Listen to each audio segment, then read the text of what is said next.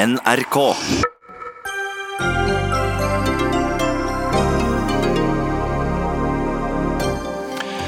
Regjeringsspråket fortsetter. Fremskrittspartiet skal overlevere sin kravliste til statsministeren i dag. Men hvis de ikke får det gjennomslaget de håper på, hva da?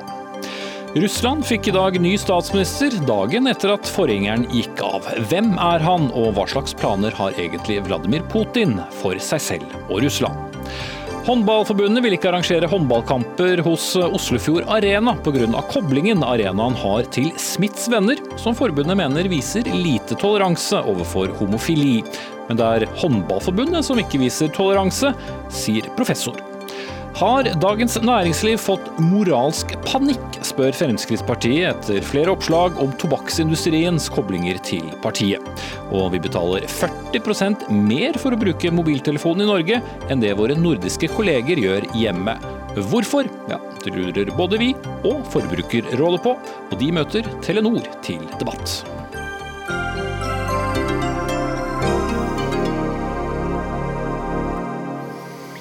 Da sier vi god torsdagskveld og velkommen til Dagsnytt Jeg heter eh, Espen Aas. Og i kveld skjer det to ganske sentrale ting tilknyttet det pågående regjeringsbråket. Stridens kjerne, om du vil. Den 29 år gamle terrorsiktede kvinnen ankommer Norge. Og Fremskrittspartiet skal altså levere kravlisten sin til statsminister Erna Solberg. Siden tidlig morges har vi lagt inn forespørsel til partilederne i de eh, berørte partiene for å komme hit til Dagsnytt 18 og gjøre opp eh, status, men eh, den køen utenfor studiodøren er relativt kort, for å si det sånn. Men heldigvis så finnes det kloke hoder med gode kilder som kan hjelpe oss videre likevel. Og Magnus Takvam, politisk kommentator her i NRK. Hvor står denne saken akkurat nå? Alle venter jo på den såkalte kravlisten fra Frp. Den er ikke levert eh, ennå. Og det er slett ikke sikkert at den faktisk blir levert eh, i kveld, slik, eh, slik det ble signalisert av Siv Jensen f.eks. i morges. Så, og hvordan den interne diskusjonen blant de tre-fire i FrPs ledelse som utformer den listen, står akkurat nå, vet jo selvfølgelig ikke jeg. Det er en del som hevder eh, og, og, sier at man ikke er helt enige rett og slett om eh, skal vi si, linjen for de kravene ennå. Og, og, da er det klart det er to eh, mulige veier å gå. Den ene er å lage en liste som de fleste ville vurdere som rimelig realistisk som et forhandlingsgrunnlag, om du vil, eller å få, få gjennom. Og det ville være en liste som alle ser egentlig er konstruert bare for å kunne gå ut av, av regjering. Eh, så det er det eh, vi venter på. De fleste eller, tror nok at kravene vil være knyttet til det sakens, konfliktens tema handler om, nemlig tema terror, terrorfare, innvandring osv. At det vil være noe som på en måte har relevans for det og som kan da, slik Frp ser det, minske eh, risikoen rundt disse tingene. Men som sagt, det, det, endelige svaret har vi ikke fått. Og jeg tror at bare for å runde av det, det er klart at presset mot Erna Solberg, da, det er jo stort det også, hun vil jo gjerne holde denne regjeringen flytende, eh, vil være større hvis du har en reali såkalt realistisk kravliste. Da vil ved et eventuelt brudd eh, Frp kunne hevde at det var Erna Solberg som valgte den andre siden av regjeringen, og ikke dem. Så, så, så mye av det er på en måte oppe i luften nå, da. Mm. Hanne Skartveit, politisk redaktør. Eh, ja, Dere skriver faktisk nå på deres nettsider at eh, hjemreisen til kvinnen også er eh, foreløpig utsatt, og hun kommer heller ikke hjem. Men det er jo noen andre spillere oppi dette. og Selv om ikke de vil la seg intervjue, så har jo da KrF-leder Kjell Ingolf Ropstad skrevet på Facebook i dag at det at regjeringen hjelper et sykt barn med helsehjelp, er ikke grunnlag for at Frp skal kunne presse gjennom en, en ny kravliste. De fire partiene er enige om en politisk plattform og jobber ut fra den. Det er ikke verdens beste stemning? Nei, og Ropstad er kanskje den som er mest entusiastisk over hele regjeringsprosjektet akkurat nå. Han har ganske nylig kommet inn og er veldig glad for det, så han prøver jo å være diplomat og, og bygge broer her. Men det er klart på dette feltet, asyl-innvandringspolitikken, så er det det største spriket i regjeringen. Det er jo på en måte det er Venstre og KrF på ene siden og Frp på høyre siden, og et sted i midten ligger liksom Arbeiderpartiet og Høyre, sånn at det er veldig veldig vanskelig å finne felles løsninger på dette. Mm. Kristin Clemet, leder av tankesmien Civita. Eh, som du sa på telefon før sending, det har blitt ropt mye alarm fra, fra Frp, men nå er det mer kritisk enn noen gang. Men har også Fremskrittspartiet og ledelsen grunn til å være irritert? Det avhenger nok av øynene som ser, men det du sikter til er at det er alltid sånn når det er koalisjonsregjeringer. Det var sånn under rød-grønne, det har vært sånn under Solberg-regjeringen at det er veldig mange i mediene og andre som sier nå sprekker regjeringen, nå er det så store problemer. Og Da har nok jeg ofte vært på den siden at jeg mener at man overdriver, og at eh, insentiven eller motivasjonen for å forsøke å gå videre eh, sammen ofte er veldig stor. Men jeg mener at eh, sett fra de synsvinkel som ønsker at regjeringen skal holde sammen, så ser det mørkere ut nå eh, enn det har gjort før. Det er mer kritisk. og Litt av grunnen til det er at situasjonen, den politiske situasjonen har på mange måter kommet uh, ut av kontroll for Fremskrittspartiet, og delvis da også for regjeringen. Fordi reaksjonen i Fremskrittspartiet har vært sterkere og annerledes enn det har vært før. For der, I Fremskrittspartiet så har det alltid vært noen som har vært litt negative til regjeringssamarbeid, og som alltid har villet gå ut. Men nå er det også andre stemmer stemmer som sier det. Og Hvorfor det har skjedd, eh, det kan vi diskutere, men jeg tror det er et eh, sammenfall av eh, ting som de kunne ha gjort bedre. Altså at det kunne vært håndtert og forankret bedre, men også litt, at de har vært litt uheldige. Mm. Ja, men Med denne saken, ja, eller? Ja, med denne saken. Med litt lekkasjer i pressen, at man ble veldig overrasket, at det ble litt sånn sjokk sjokkartet eh, stemning. Eh, og at Siv Jensen var i Paris. altså den, Alle sånne småting har virket, eh, virket på, inn på en uheldig måte. Og jeg tror ikke at det er veldig lett for Fremskrittspartiet nå å komme, komme trekkende med krav. fordi at man skal huske på at dette er en sak de ble enige om for ca. fire måneder siden.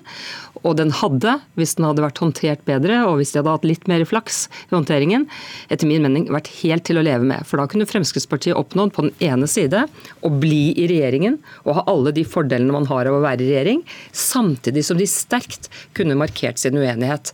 For de var jo uenige, og regjeringen var sikkert enige om at dette kunne også publiseres og gjøres offentlig.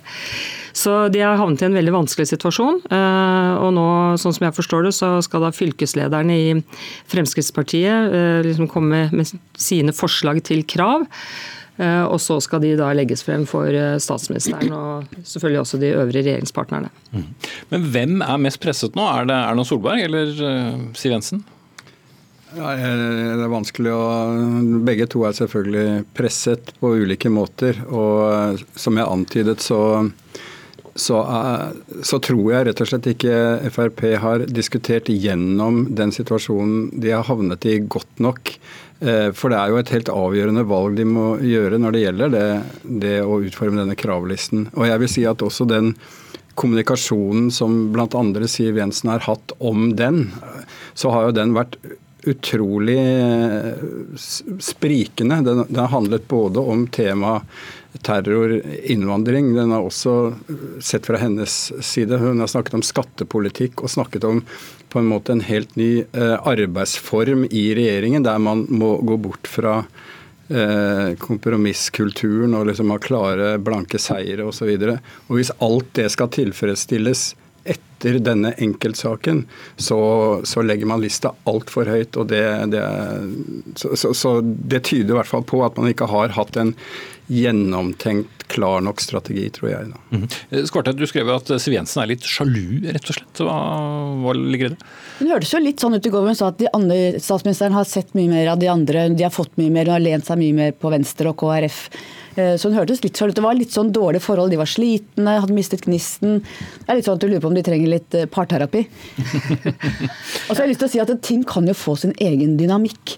Og jeg tror at eh, Siv Jensen trodde nok at det var nok å ta en dissens. At da ville på en måte partiet nøye seg med det. Ja, vi har vært veldig uenige i denne saken. Jeg tror hun undervurderte det raseriet som oppsto.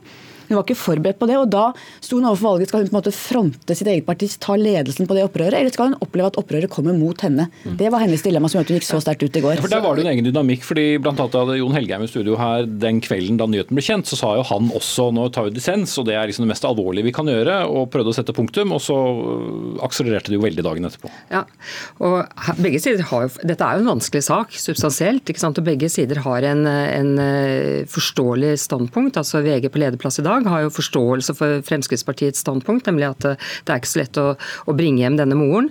Mens eh, Erna Solberg og de andre på den siden syns det var veldig vanskelig å se for seg at f.eks. dette barnet skulle dø uten at det hjalp det.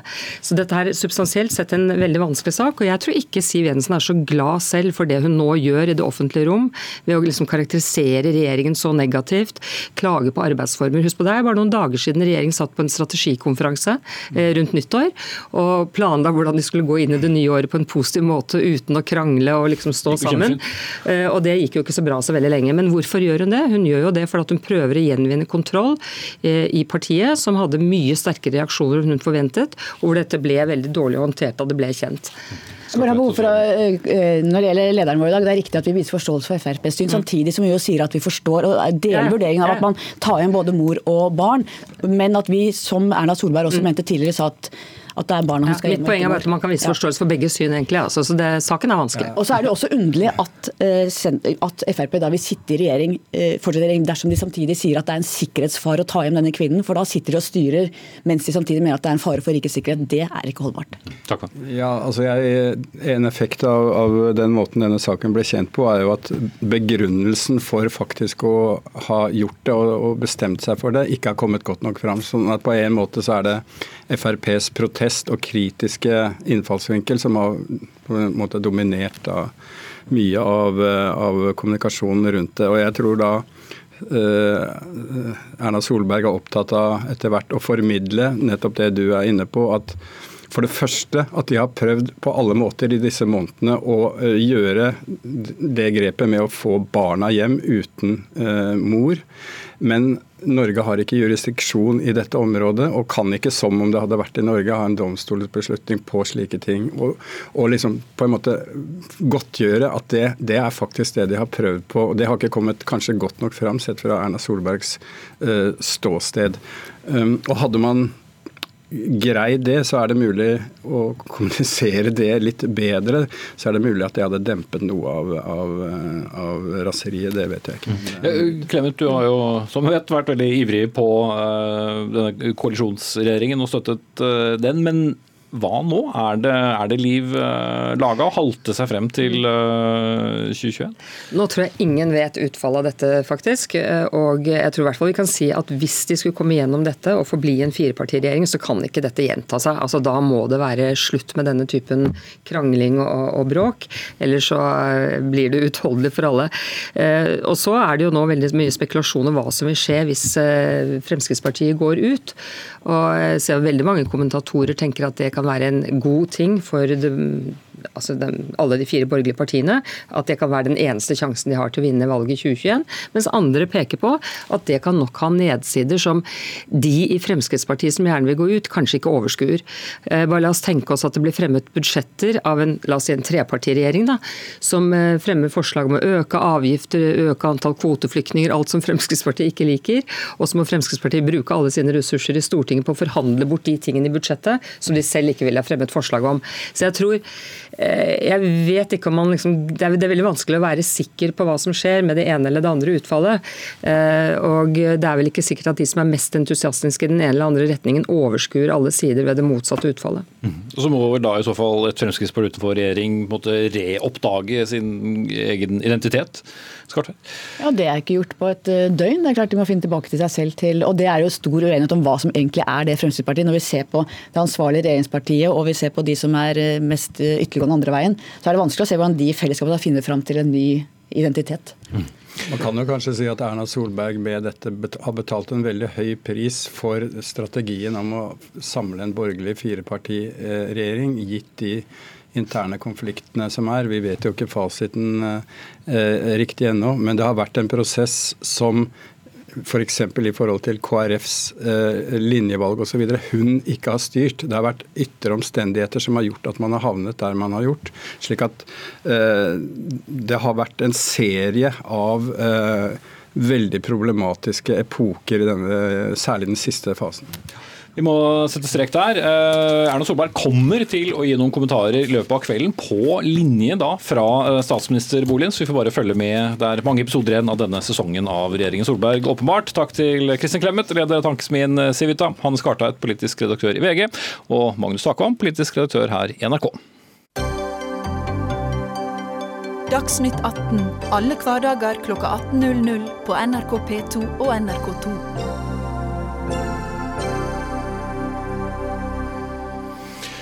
Selv om det tilsynelatende er kul umulig å få hovedaktørene i regjeringsspråket i tale nå i kveld, så er det i hvert fall ikke helt umulig å få noen politikere fra noen av partiene i studio for å snakke om politikk, for ikke å si dekningen av politikk. For Fremskrittspartiet og tobakksindustrien er stikkord for en rekke oppslag i Dagens Næringsliv den siste tiden. Avisen hadde et langt oppslag hvordan den visste hvor, hvordan nåværende og tidligere sentrale Frp-politikere har bindinger til industrien og hatt det gjennom gjennom flere år.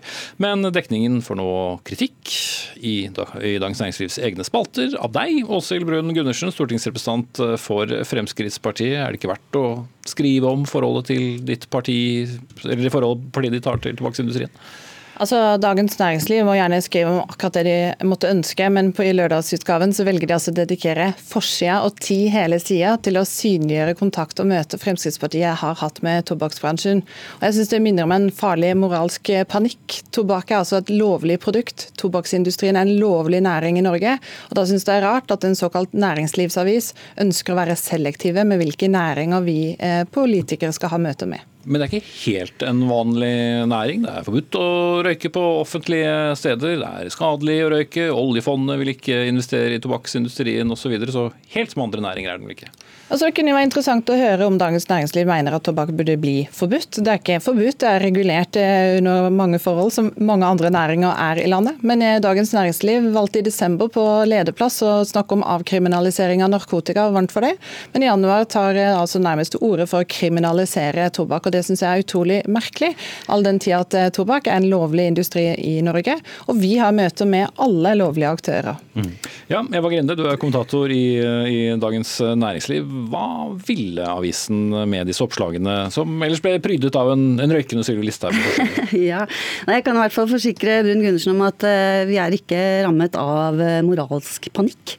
Ehm, vi har eh, selvfølgelig en eh, journalistisk eh, agenda her. Vi ønsker å vise fram hvordan et politisk parti gjennom veldig mange år har hatt bindinger til en kontroversiell industri. Og som blir sagt her også, det er ikke en hvilken som helst industri.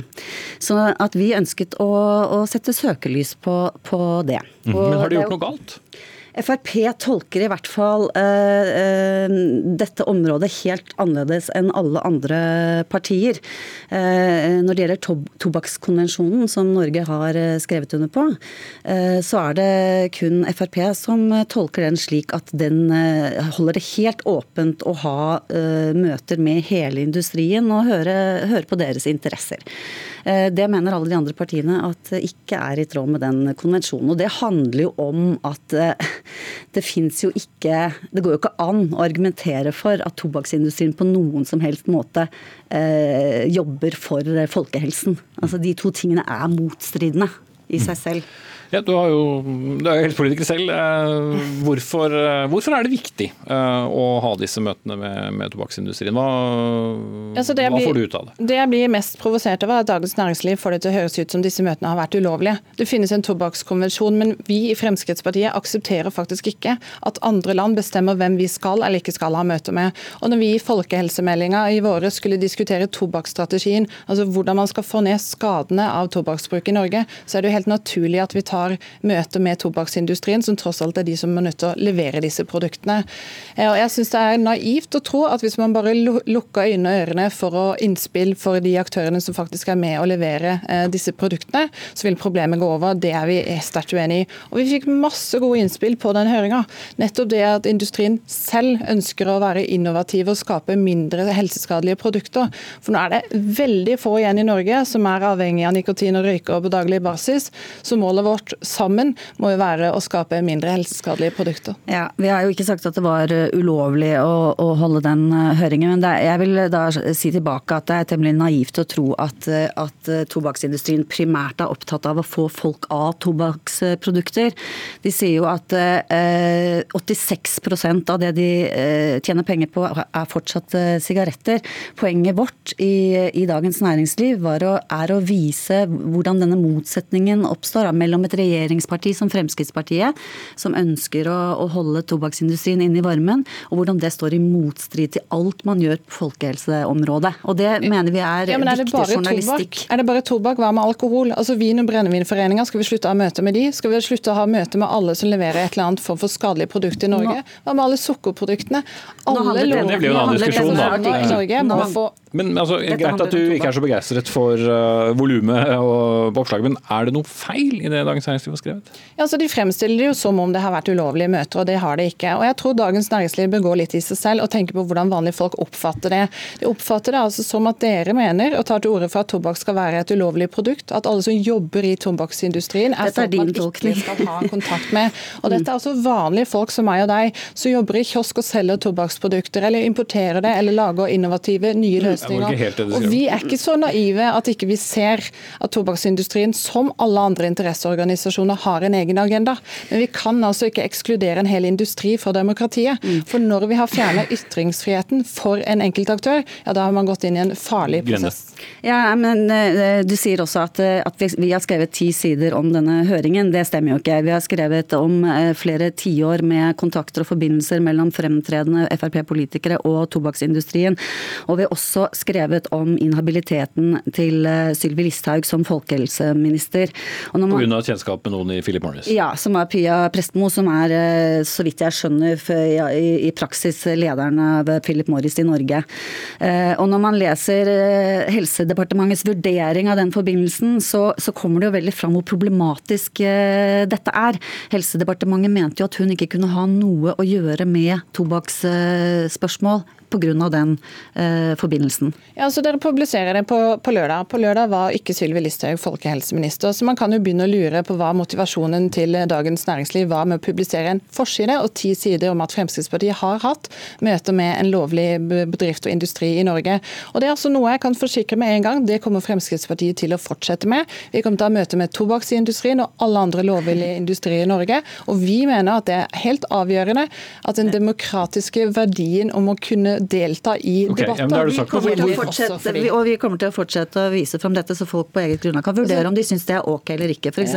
at Sylvi Listhaug står og sier at folk må få drikke og røyke og spise mye rødt kjøtt de, de vil, når hun eh, omtrent noen få dager før har levert inn en, eh, et spørsmål om hun egentlig er habil i tobakksspørsmål. Altså, Dagens Næringsliv jeg bruker også spalteplass på å snakke om avkriminalisering av narkotika. Det er dere opptatt av, men dere snakker nærmest som om de som bruker tobakk og jobber i industrien, driver ja, med det, det, det har du sagt. Det ble ikke noe fredspipe her, i hvert fall. Takk til Åshild Brønne Gundersen, stortingsrepresentant for Fremskrittspartiet og kommentator Eva Grinde i Dagens Næringsliv.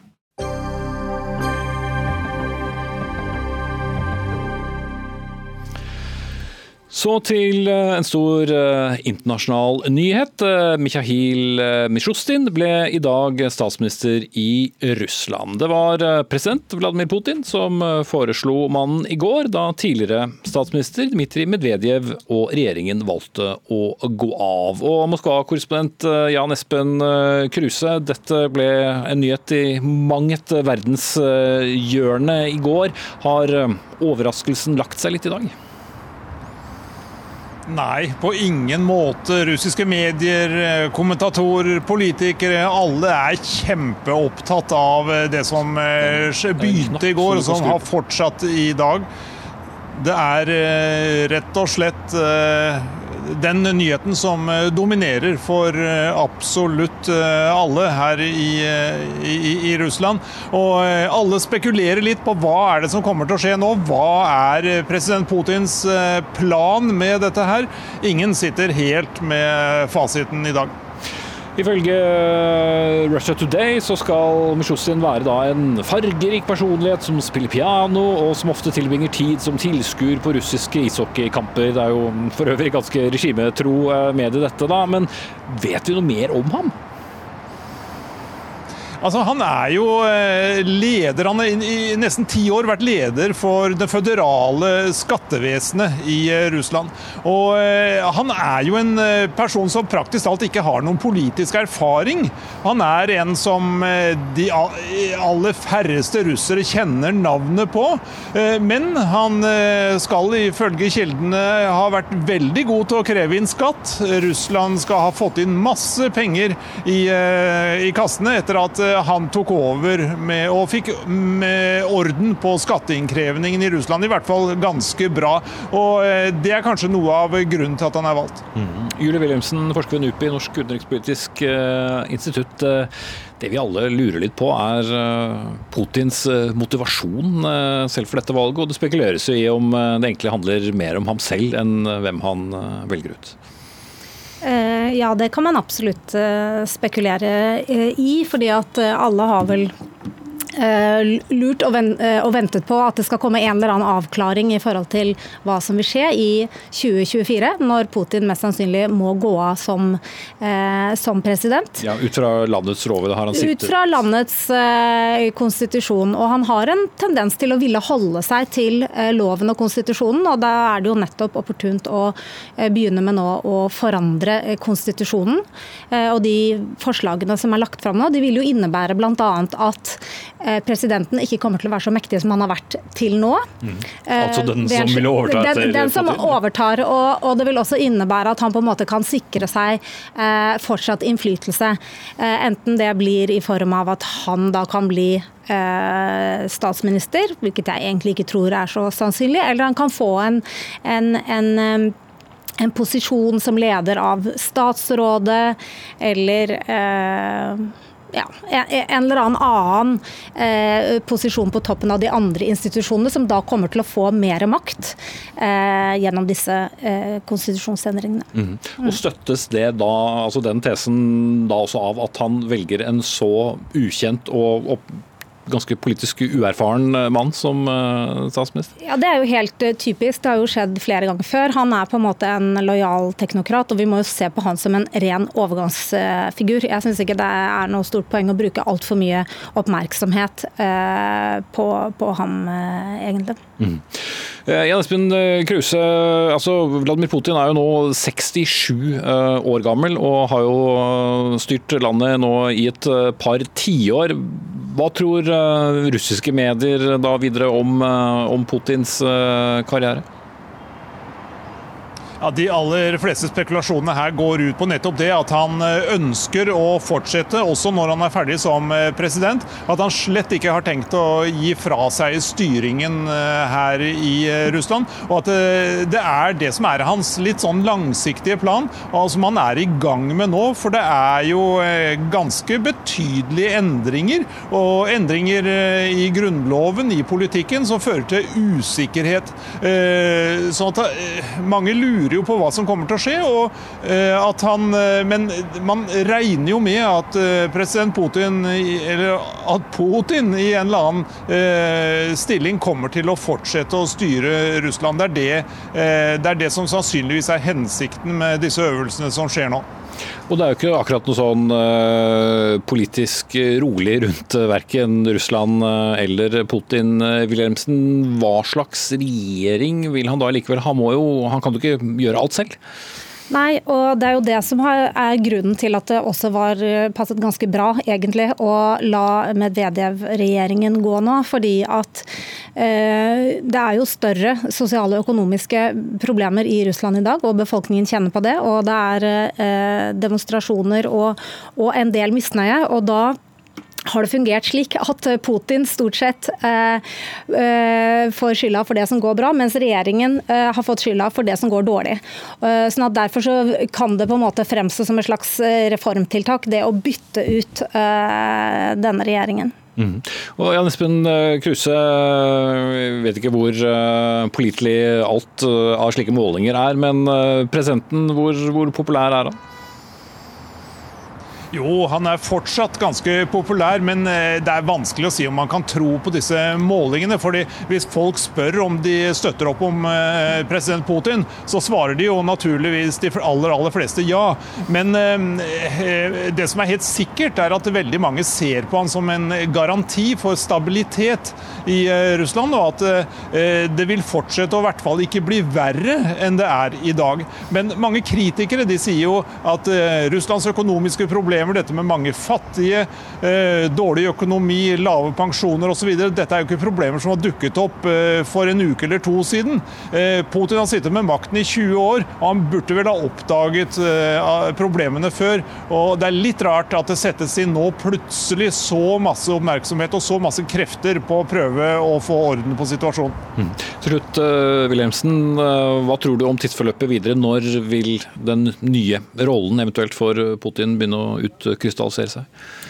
Nei, altså Det virker på meg, i og med at de har bestemt at de skal uh, ha en folkeavstemning om denne nye konstitusjonen, at det kan komme til å gå uh, ganske raskt. Uh, og Da får du jo en, en situasjon hvor Putin selvfølgelig blir sittende og holde både altså Reelt sett holde på den makten han har i dag, men få mindre formell makt. og Det kan da skje før 2024.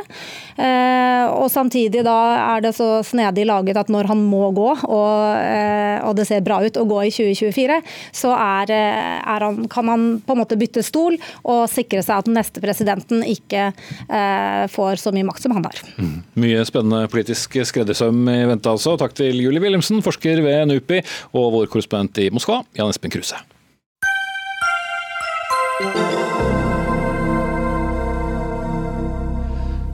Senere i sendingen skal vi snakke om alvorlige lovbrudd og indikasjoner på menneskehandel, for det var nemlig funnet som ble gjort etter en storaksjon ved 20 fiskemottak i Nordland i fjor. Arbeiderpartiet krever at regjeringen tar grep, og ansvarlig statsråd kommer hit til Dagsnytt 18. Men nå skal det handle om sport, eller handler vel kanskje mest om andre ting. Eh, håndballforbundet vil iallfall ikke arrangere håndballkamper i eh, Oslofjord Arena. Det har Vårt Land skrevet eh, en rekke artikler om. I helgen vedtok styret i Norges håndballforbund at de ikke vil legge sine arrangementer til Oslofjord Arena, eller Arena om du vil. Grunnen er koblingen de har til det som heter Brunstad Christian Church, også kjent som Smiths venner. Og Kåre Gerlio, hvorfor denne boikotten kort?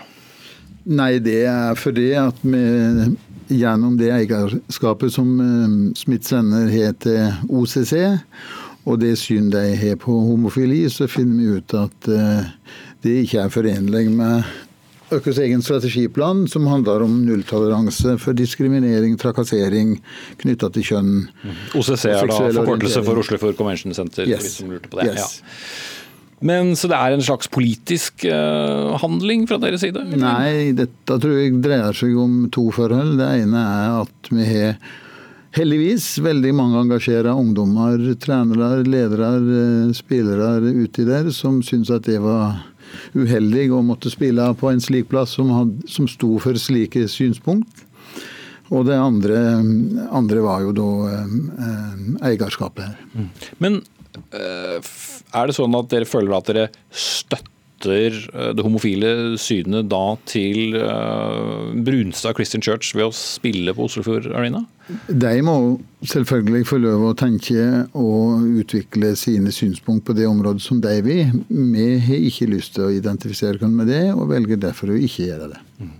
Men har dere opplevd noen form for diskriminering eh, av homofile håndballspillere når dere har spilt der, f.eks.? Så vidt meg bekjent så fungerer OCC aldeles utmerka i daglig praksis. De har gode folk som driver, det er snille folk som ønsker folk velkomne. Så det handler ikke om det, det handler om tilhørigheten til til en eh, eier som eh, har et helt annet syn på homofili enn det vi har. Mm. Så skal jeg bare dra en liten form for rulletekst her. fordi Brunstad Christian Church sier at de ikke er en del av konflikten mellom Oslofjord Convention Center og Håndballforbundet, og vil derfor ikke delta i noen debatt. Og Brunstad Stiftelsen, eh, som da er eier, sier til Dagsnytt 18 at de heller ikke er en del av saken mellom Oslofjord Convention Center og Håndballforbundet. Og for å ta den siste også, Oslofjord Convention Center, som vi også har spurt om å delta, sier at de ikke ønsker dette, og sier bare vi ønsker å ha gode og ryddige relasjoner til alle våre kunder, og tror ikke at det å debattere dem i Dagsnytt 18 bidrar til dette.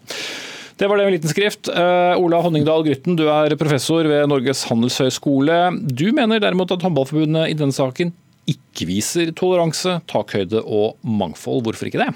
Ja, For det første så er jo premisser for det som blir sagt, ikke, ikke riktig.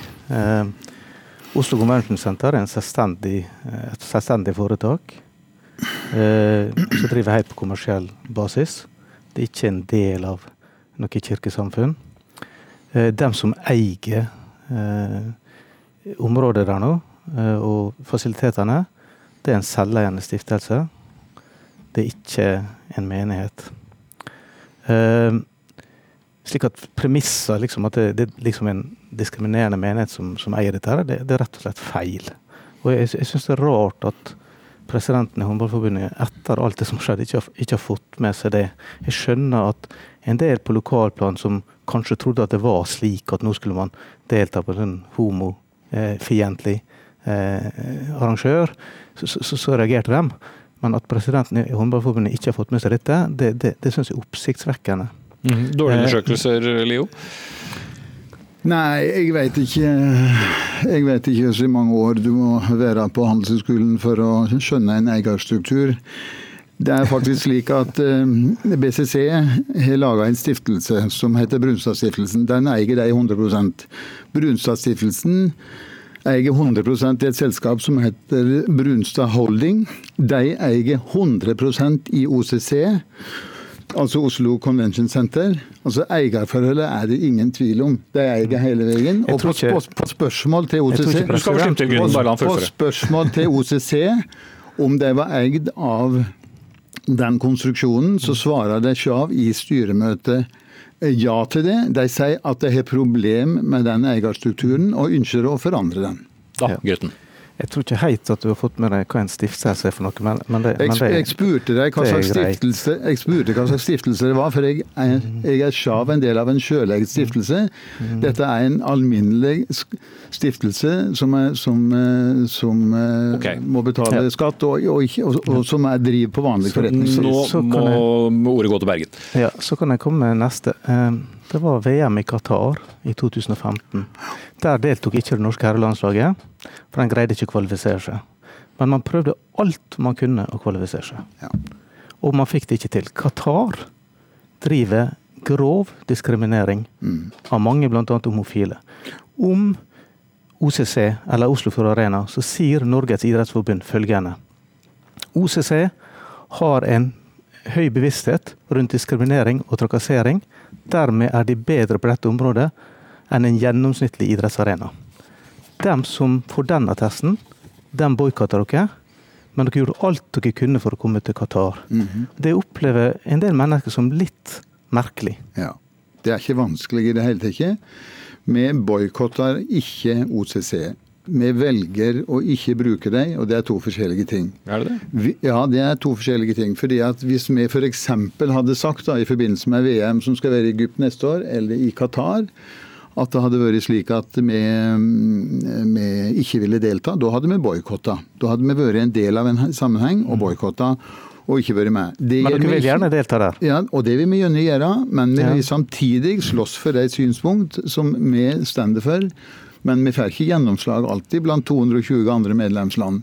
Men vi fikk gjennomslag i IOF for f.eks. Eh, spørsmålet om kvotering av kvinner inn i styrer og utvalg. Det var vi veldig glad for. Det var oppe fire ganger før vi fikk det gjennom. Vi er ikke alene i verden. Men det kan ikke sammenlignes, de to tingene der. Nei, de kan ikke det, for dere skyter nemlig spurver med kanon og så skyter dere elefanter med sprettert. Så, så, så det kan Ja. ikke sammenlignes. Dem som virkelig diskriminerer, det, det er helt OK for dere nesten. Altså, Der gjør dere ingenting. Ja, da, vi- og det er vanskelig å forstå. Det gjør vi mye med hver eneste gang, på hver eneste arena vi befinner oss. Ja, men da måtte du, Konsekvensen måtte være at dere sier at vi kan ikke delta i dem, vi kan ikke bruke dem. Nei, for vi boikotter ikke. Vi prøver å delta aktivt for å forbedre den verden vi er en del av. Og så må du huske på det. I denne saken, altså i forhold til OCC, så har norsk håndball sitt styre og ledelse full innflytelse. Vi kan sjave bestemme hva vi vil gjøre, og da gjør vi det. Kan jeg bare stille et siste spørsmål da, Leo? Det er jo VM i Egypt i 2021. eh, Homofile stadig forfulgt der. Hva gjør dere med den? Nei, Vi kommer til å mene akkurat det samme som vi mener nå. Vi må, fordi at vi er en del av, av eh, en større sammenheng, jobbe for stadig forbedring av grunnleggende syn på mennesket alle plasser der vi er, men vi kommer til å delta. Ja, Så dere kommer til å holde dere litt for nesten og være der? si? Nei da, vi kommer ikke til å holde oss for nesten, vi kommer til å jobbe Ja. aktivt. Du skal få si noe veldig kort eh, til Ja. slutt, gutten. Håndballforbundet er veldig bra på det at man, man vil inkludere. Man vil ha takhøyde, man vil ha, ikke toleran, toler, eh, ha intoleranse. Og man vil ikke diskriminere. Man vil ha mangfold. Men her griper man fatt i noen som har kontakt, litt grann kontakt med noen som er litt annerledes, noen som er spesiell. Og da skal man plutselig diskriminere. Da skal man ikke være tolerant. Da skal ikke man ha mangfold.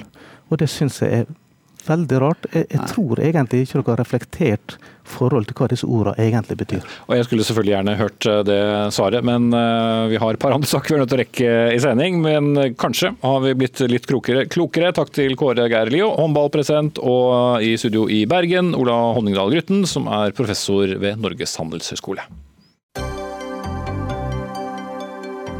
Hør Dagsnytt 18 når du vil. Radio NRK Radio.nrk.no.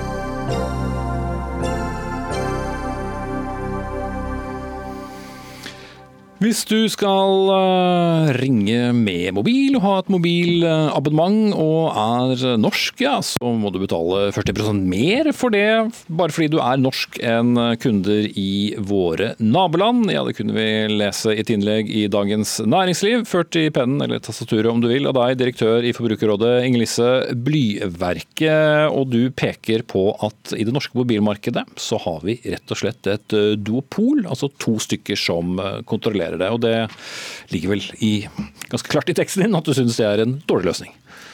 Ja, det er en dårlig løsning i ethvert marked, det. Ikke bare i dette markedet. Eh, Vi trenger sunn konkurranse, og da trenger vi flere aktører. Når det er bare to dominerende, eh, de, i dette markedet så dekker de vel ca. 90% tror jeg, av markedet, så trenger de ikke anstrenge seg nevneverdig. De trenger ikke, og de har ikke, det er ikke noe naturlig for dem heller å, å, å konkurrere mot hverandre. Ja, hvorfor er det ikke det? Nå tenker jo alle, men vi vil, den ene vil jo ha kundene til den andre. Nei, De aller fleste eh, akademikere også innenfor konkurranseøkonomi vil jo si at eh, sannsynligheten øker da i hvert fall for at man ikke eh, anstrenger seg nevneverdig for å, å konkurrere. Man dominerer eh, markedet og har egentlig større interesse av det enn å slippe flere aktører til. Og som sagt, Det er ikke noe spesielt eh, ved dette markedet, men, men det vi ser er jo utslagene. Og det er jo at eh, norske kunder betaler for mye for for lite, eh, og i hvert fall sammenlignet med eh, våre respektive naboland. Ja, Petter Børre Furberg, eh, administrerende direktør i Telenor eh, Norge. En duoplist, eh, altså. Eh, Hvorfor skal vi betale så mye mer for eh, tjenestene? Ja, det, det er jo for så vidt riktig det som er påpekt her, at eh, det er høyere priser i Norge enn i andre land. Men det, mobil er vel heller ikke det eneste området hvor det er tilfellet. Eh, og Hvis man ser på hva en norsk mobilkunde betaler hos Telenor i dag, så er det ca. 11 kroner per dag. Og For det så får man verdens beste nettverk. Man får dekning så å si overalt i Norge. eh, Og man får tjenester som faktisk kundene etterspør. Eh, Og Når vi spør våre kunder om hva som er viktigst, eh, så sier sju av ti at kvalitet er viktigere enn pris. Og når vi ser hvilke kunder som forlater oss, så er den viktigste årsaken til at en kunde forlater Telenor, at de har hatt en dårlig kvalitetsopplevelse i manglende dekning eller for dårlig hastighet. Hvor, mange kunder uh, har du i Norge? Vi har ca. tre millioner kunder. Mm -hmm. Så om det forsvinner noen tusen, så merker du ikke så mye av det? Vel, det forsvinner, Hver dag så forsvinner kunder, og hver dag så slåss vi for å få tilbake kunder. Men er det en tøff kamp om prisen mot uh, Telia? Det, det er en stor og tøff mobilkonkurranse. Vi har tre mobiloperatører som har vært politisk, et politisk ønske. Myndighetene ønsker å ha tre store nettilbydere i norske markedet. Det er vanlig i de aller fleste land i Europa, og også vel i Asia, at man har tre store operatører. I tillegg så har vi faktisk 19 operatører som opererer på de andres nettverk. Så konkurransen står mellom 22 operatører i det norske markedet i dag. Blir. Dette her stemmer jo ikke i praksis, fordi at vi har to store som dekker 90% av markedet. Den tredje har ca. 7% så det er ikke tre store likeverdige aktører vi snakker om. Og Vi i Forbrukerrådet er ikke spesielt ute etter verken Telenor eller den andre Telia. Vi ønsker bare tre velfungerende nett fordi vi mener at det er en god forutsetning for å kunne drive god konkurranse. Og god konkurranse sikrer god konkurranse på like vilkår, og det gjør at det også blir den riktigste prissettingen for oss som forbrukere. Og det tenker jeg at en, eh, en, aktør som Telenor må ta inn over seg at man faktisk har en forklaringsbyrde. Fordi man eh, opererer i et marked hvor det bare er to store aktører. Vi tror tilsynelatende at det er flere. Eh, men det er liksom sånn at Telia eier OneCall, MyCall, Fonero. Telenor eier Talkmore. Det ser ut som om det er noe større konkurranse enn det det faktisk er. Og det er to store som dominerer. Og vi ønsker oss et marked hvor det er plass til flere aktører. Og vi har ennå ikke fått på plass et tredje nett. Vi tror at tre velfungerende nett er en viktig forutsetning for konkurransen. Og så får konkurransen eh, spilles ut, både hva gjelder kvalitet og pris. Mm. Er det tøft å få til et overskudd i norske mobilmarkedet for tiden? Vi, vi, opererer bra i det norske markedet. Vi har god lønnsomhet, og det skal vi ha. for Vi også investerer. Vi investerer mye mer i det norske markedet enn vi gjør i noe annet marked i Telenor-sammenheng. Eh, jeg ser at man trekker fram sammenligning f.eks. med Danmark. Telenor i Norge investerer i år 15 ganger så mye i Norge som vi gjør i Danmark. Og det er pga. at faktisk norske kunder stiller helt andre krav til kvalitet enn det du finner i mange andre marked, og den posisjonen Telenor har i norske markedet, som er basert på kvalitet. Og Jeg opplever også at når jeg reiser rundt i landet, møter, møter kunder, møter ordførere, så er det viktigste for dem at faktisk Telenor forsterker dekning, forsterker kvalitet, robustifiserer nettet og sikrer oss at alt er oppe. Ja, Men inntjeningen er 40% høyere for norske kunder opp mot de andre. Det er klart at selv om dere investerer mer, så tjener dere mer enn nok. Og det tror jeg at man har anledning til når man ikke har en velfungerende konkurranse. Og Det er derfor vi uh, har tatt til orde for at det må uh, få større fortgang. Og det er derfor vi er fornøyd da, med at digitaliseringsminister Nikolai Astrup har varslet en stortingsmelding. Uh, og vi har ganske store forventninger til den. da. Mm. At ikke det bare blir en melding, men at det blir noen tiltak ut av det. Jeg fikk ikke engang gang introdusert deg, for det gjorde byverket Nikolai eh, Astrup. Eh, ja, er, det, er, du, er, du, enig i at eh, vi betaler for mye for mobile tjenester? Det er ikke noe tvil om at vi betaler mye for tjenestene i Norge. Eh, men så vil jeg si at begge har rett i sine argumenter. Eh, Forbrukerrådet har helt rett i at vi betaler mye sammenlignet med andre land. Eh, og jeg er opptatt av at vi skal styrke konkurransen for å sørge for at norske forbrukere betaler mer. Så har Telenor helt rett i at vi har verdens, kanskje verdens beste mobilinfrastruktur i, i Norge. Og du skal ikke reise så veldig langt ut av landet før du finner at det er veldig mye bedre enn det der, enn det der rundt oss. Så eh, og Operatørene eh, innenfor fiber og mobil investerer rundt 10 milliarder kroner hvert eneste år. og Telenor står for vel halvparten av det, hvis ikke jeg husker feil. Så det er ikke noe tvil om at det investeres mye, og at det skal investeres veldig mye fremover også. For vi skal jo realisere 5G. og Sånn situasjonen er nå, så er, er, er neste generasjons eh, mobilnett som neste generasjons ja. mobilnett som er veldig mye raskere enn det nettet vi har i dag. Uh, men det, um, og vi, til, vi, er faktisk det første landet i Europa hvor alle operatørene har gjort sine leverandørvalg og er klare til å bygge ut. Så vi er veldig godt posisjonert. Mm. Men, men, men det å få inn flere operatører, da, mm. eller ikke operatører, men som, som, som har nett, altså, eh, hvis det er så himla dyrt å få til, hvordan, hvordan, i praksis skulle man gjøre det? Eh, hvor lønnsomt vil det være å altså Telenor sier at det koster mye å, ha mm. gode tjenester i Norge. Er det da liv laga å få inn en tredje? Det er jo to ting som vi, For det så er vi i ferd med å altså, Ikke vi, men Ice er i ferd med å bygge seg opp som den tredje en store mobiloperatøren. Det er riktig at de har en betydelig lavere markedsandel nå, men vi legger jo til rette eh, både gjennom måten vi eh, auksjonerer ut frekvenser eh, og på andre måter, for at vi skal ha en velfungerende konkurranse mellom de tre operatører. Og så anerkjenner jo vi, og har gjort det lenge, at Telenor har en særlig sterk markedsstilling. og Derfor er vi underlagt en regulering som ingen av de andre er.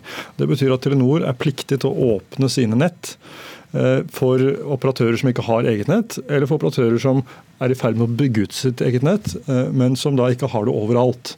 Eh, og Det er jo en viktig forutsetning for at f.eks.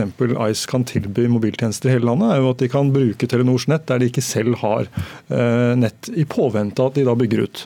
Så, så, dette er en veldig bevisst strategi, men likevel så er ikke vi fornøyd. og Derfor så har jeg varslet at vi kommer med en stortingsmelding hvor nettopp konkurranse både i mobil- og fibermarkedet skal adresseres.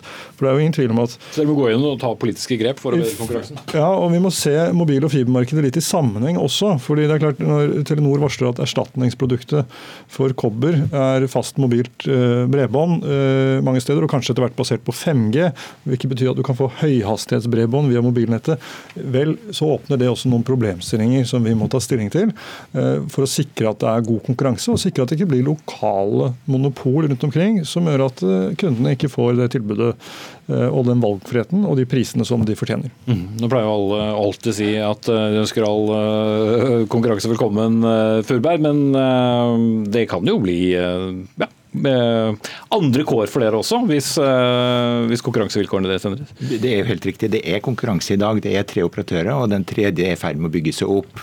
Og Telenor har selv vært leder i andre land for Telenor, hvor det er helt normalt at man har tre operatører. Og Telenor også i de markedene kan være den som utfordrer de etablerte.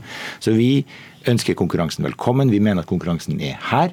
Eh, og vår fokus er å sørge for at kundene faktisk har en god opplevelse av å være med Telenor, og at vi kan være med på å løfte Norge i forhold til de utfordringene som ligger på å digitalisere hele Norge, uansett om du bor i en by eller bygd. Mm. Og også lavere priser? Vi får andre prisingsmodeller over tid. 5G som ministeren nevnte, kommer til å gi oss muligheter for å prise f.eks. på hastighet på tjenester og lignende. Så du ser en helt annen innovasjon som kommer med 5G enn det du har sett så langt.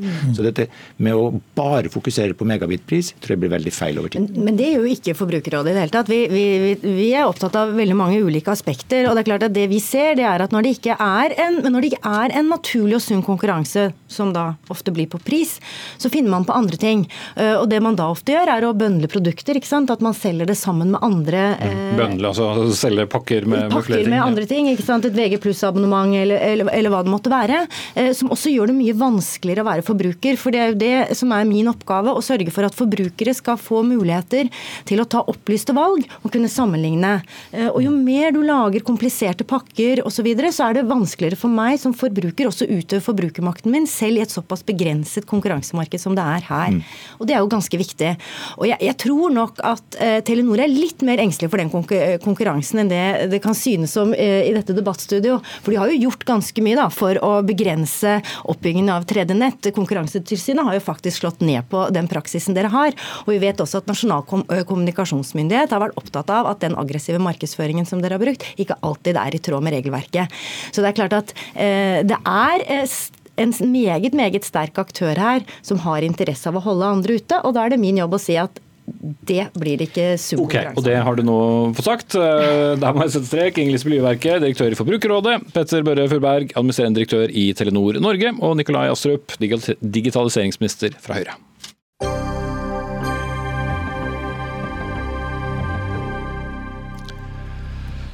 Da Arbeidstilsynet, skatteetaten og politiet raidet 20 fiskemottak i Nordland i fjor, ja, så fant de omfattende brudd på arbeidsmiljøloven og lønn langt under minstesatsen for de innleide østeuropeerne som eh, sløyde og renset norsk fisk. På et av mottakene hadde de litauiske sesongarbeiderne helt ned i 60 kroner timen, 120 kroner under lovlig minstesats og opptil 30 32 timers lange arbeidsøkter, ifølge Dagbladet som har skrevet om denne saken. Cecilie Myrseth, stortingsrepresentant fra Arbeiderpartiet. Du ber nå fiskeriministeren ta grep om en bransje som du mener er ute av eh, kontroll. Hva, hva skal ministeren eh, kunne gjøre her? Nei, Ministeren er jo den som har det øverste ansvaret for eh, sjømatnæringa vår, og er åpenbart den som nå må sette politisk standard og si at dette er uakseptabelt. Og han må komme med tiltak. Vi kan ikke bare se på denne situasjonen som er skammelig. Nei, Blant annet så må vi se på bruken av innleie. Eh, det er en utfordring. Eh, man må se på permitteringsregler, som er en viktig sak. Eh, og vi må ikke minst, når vi får avdekka så alvorlige tilfeller som vi nå har gjort, se på også straffene. For det er jo sånn at jeg er ganske sikker på at dette bare er toppen av et isfjell. Når man omtaler det som at man har indikasjoner på menneskehandel i Norge, så er det en meget alvorlig situasjon for sjømatnasjonen Norge og for de folkene som kommer hit. Og jeg tror at dette er noe som eh, vi kommer til å få høre veldig mye mer om fremover. Ikke bare i industrien, men også på båtene. Jeg kommer rett fra Lofoten nå, har snakka med fagbevegelsen, med næring, og de ber også om tiltak. Okay. Ministeren har ikke noen tiltak å komme med. Vel, det vet vi ikke ennå, for noe svart. Fiskeri- og sjømatminister Harald Tom Nesvik fra Fremskrittspartiet. Det er jo gått en stund siden du fikk vite om disse tilstandene. Hva, hva har du gjort siden det? Eh, det er gjort en rekke tiltak eh, knytta til fiskerikriminalitet. Vi jobber både nasjonalt og internasjonalt. Eh, jeg tror det aller viktigste er at vi erkjenner oss at når det gjelder disse tilstandene, så er det ikke noe som gjelder bare Norge, det gjelder faktisk også andre land. Særlig knytta til det som er på fartøy, som Myrstad var inne på her. Eh, fordi at det kontrollmessige er ekstremt viktig.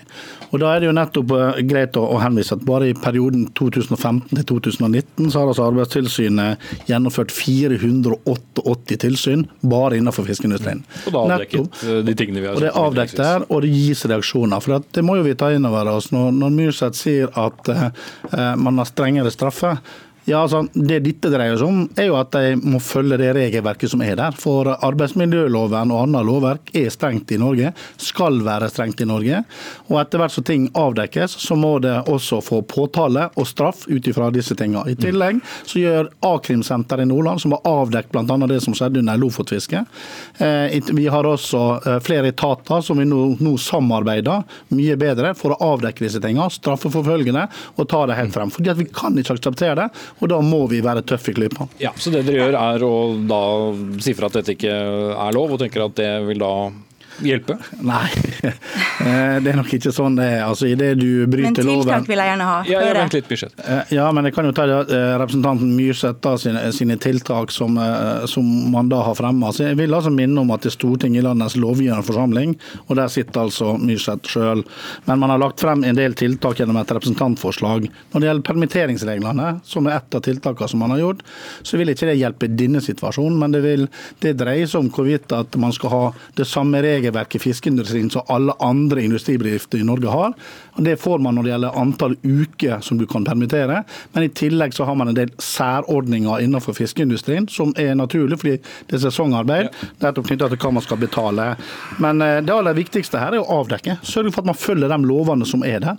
Når det gjelder innleie og arbeidskraft. Det regner vi jo med gjør med alle lovbrudd, at de avdekkes. Men, eh, men, men, hva er tiltakene utover å avdekke dem? Ja, men Det er jo nettopp å straffeforfølge det. Det at ulike sektorer jobber sammen. Dette er for svakt, Harald Tom. Ja, men uh, Myrseth, hvis jeg kan få fullføre ja, det. Nå er det kort, for du snakket lenge, så du skal rekke å svare. Jo da, men saken er jo bare det at det er jo jeg som blir utfordra av Myrseth her, at vi må gjøre noe. Nei, nettopp det men du sier ikke hva du skal gjøre? Ja, men nettopp det Jo, det er det jeg prøver å si da, hvis du slutter å avbryte. Altså, det, som, det, som, det, som det, dreier seg, det som det dreier seg her, er jo nettopp at ulike sektorer må jobbe sammen. Tolletaten, politiet, jo, jo, skatteetaten. Ja. ja. men det er jo nettopp for å avdekke. Og for å straffeforfølge, så må vi avdekke. Men om jeg også kan få prate litt eh, nå. Vær så god, Cecilie. Tusen hjertelig.